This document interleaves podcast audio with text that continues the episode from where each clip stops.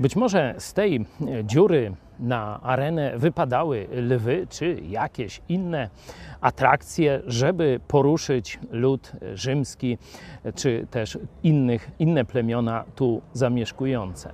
Jesteśmy w świadectwie socjalizmu, czyli upadku Imperium Rzymskiego. Te budowle są wspaniałe, one dotrwały do naszych czasów, ale tak jak powiedziałem, one oznaczają odejście od jakichś wyższych wartości do e, bardzo prymitywnego poziomu e, chleba i igrzysk.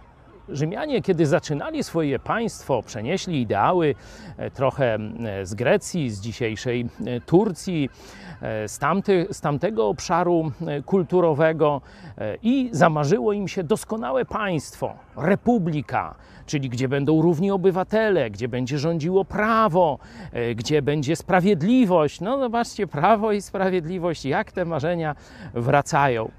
Ale potem kolejne pokolenia coraz bardziej rozmywały fundamenty duchowe, wartości Imperium Rzymskiego.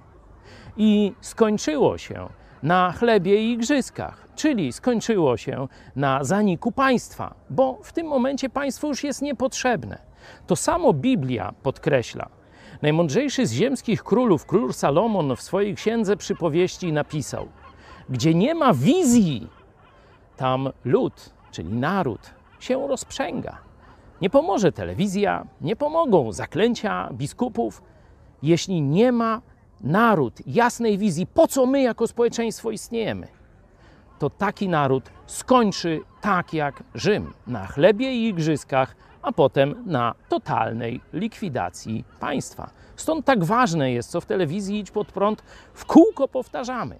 Jeśli Polacy nie zwrócą się do prawdziwego celu historii, czyli do Jezusa Chrystusa, nic nam nie pomogą najmądrzejsze wywody polityczne, społeczne czy partyjne. To tu jest klucz do przetrwania narodu w Jezusie Chrystusie.